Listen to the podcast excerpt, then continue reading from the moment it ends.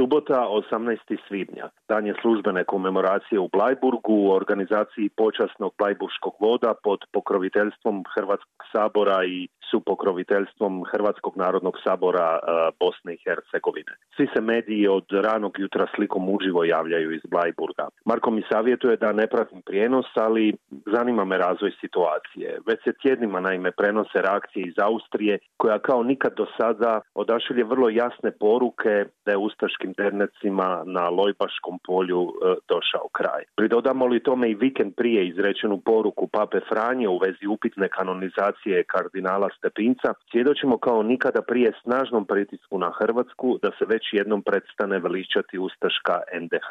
Žalosno je, ali ipak ohrabrujuće, da Vatikan i Austrija s teškim nasljeđem nacističke kolaboracije drže lekciju u Hrvatskoj koja se kao niti jedno društvo u Europi olako odrekla svog antifašizma predvođenog komunistima, Titom i partizanima.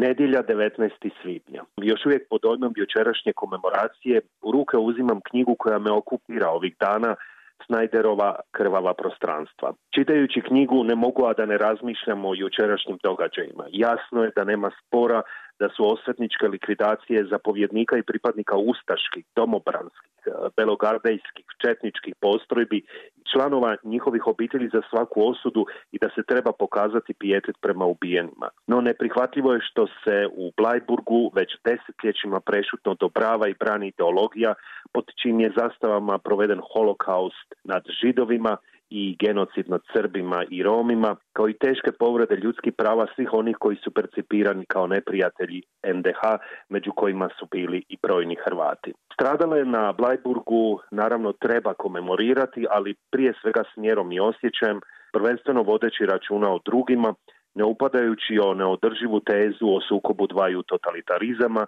jer Jugoslavija nikad nije bila totalitarističko društvo. Ali mnogo opasniji problem od uh, ustaškog znakovlja na Blajburgu ta je što su se tijekom 90-ih u javnom mjenju u Hrvatskoj dominirale najprimitivnije predrasude koje su ušle u službene dokumente, udžbenike i u cijeli ustav. Ustaška ideologija nerijetko se smatrala obrambenom strategijom Hrvatstva. HDZ i Franjo Tuđman ostavili su nam u nasljeđe jedan potpuno neosvješten odnos prema ustaštvu i tako je sve do danas.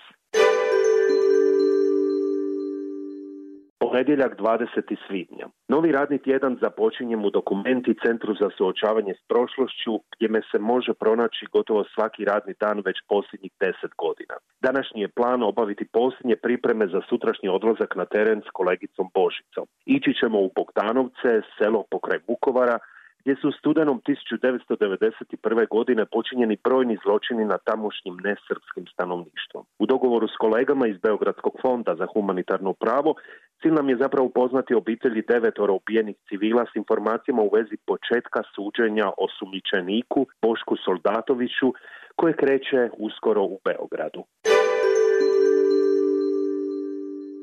Utorak 21. svibnja. Skupljam Božicu u Dugom selu i krećemo prema Bogdanovcima. Kolegica Božica i ja zajedno radimo već deset godina, ali nažalost nismo imali prilike često ovako blisko surađivati i zajedno biti na terenu. Ona je dokumentina istraživačica koja već godinama provodi istraživanje na dokumentiranju ljudskih gubitaka u Hrvatskoj 1991-95 ciljem zaustavljanja političke ideološke manipulacije žrtvama rata u Republici Hrvatskoj, stvaranjem prije svega dostupnog i provjerljivog poimeničnog popisa svih poginulih i nestalih. U Bogdanovcima smo cijeli dan, vrijeme provodimo s obiteljima devetoro ubijenih civila, albanske nacionalnosti. Svi su 70-ih s obiteljima s Kosova stigli u Slavoniju i katoličke su vjeroispovijesti. Nakon početne nesigurnosti i bojazni obitelji s nama razgovaraju s velikim povjerenjem. Nakon posjeta jednoj i prije posjeta drugoj obitelji u središtu gotovo pustog slavonskog sela nailazim na spomenik ubijenim civilima i braniteljima tijekom domovinskog rata. Na njemu se nalaze i imena ubijenih u drugom svjetskom ratu kako stoji od strane partizana i četnika na križnim putevima tijekom likvidacija bez suda. Revizionisti ne prežu ni pred čim da bi rehabilitirali ustašku ideologiju, ludilu revizionizma kao da nema kraja. Srijeda 22. svibnja. Sastajem se samo s Dragom Pilslom, novinarom i teologom, dogovaramo strategiju i sljedeće korake u vezi realizacije dokumentarnog filma koji zajednički pripremamo vezano za turbulentnu prošlost njegove obitelji tijekom 20. stoljeća. Nakon što smo prošlog mjeseca u travnju odradili dvotjedno snimanje u Argentini i Paragvaju, prateći put Adolfa Pilsela, Dragina oca, Sada je pred nama pregled sirovog materijala, detaljna razrada scenarija i skupljanje sredstava. Drago je valjda jedini Hrvat koji se suočio s ustaškom prošlošću svoje obitelji. On javno godinama svjedoči detalje iz traumatične prošlosti vlastite obitelji, kao i osobne zaplude tijekom odrastanja unutar ustaške emigracije u Argentini. Četvrtak 23. svibnja. Gdje god se okrenem, koji god portal ili medij otvorim, od suda iskaču EU izbori. Stranke, koalicije, liste, kandidati ne mogu ih sve ni pojmiti.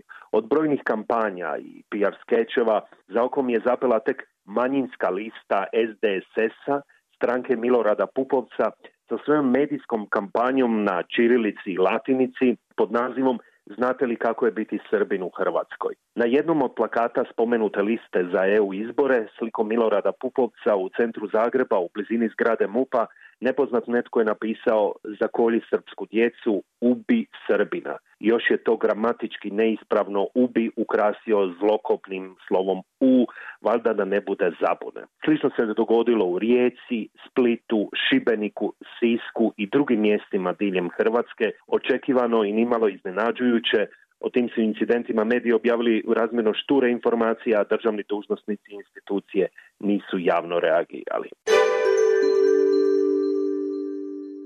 Petak 24. svibnja. Bavim se posljednjim pripremama za Sarajevo, slijedi nam nastavak snimanja emisije unutar serijala Vrijeme su odgovornosti u sklopu inicijative za rekom na Face TV-u. Gošća ovoga vikenda je Nataša Kandić, direktorica Fonda za humanitarno pravo i kolegica s kojom surađujem već više od deset godina u zagovaranju rekoma kao buduće regionalne komisije za utvrđivanje činjenica o ratnim zločinima i drugim teškim povredama ljudskih prava počinjenim na teritoriju nekadašnje SFRJ od 1. siječnja 1991. do 31. prosinca 2001.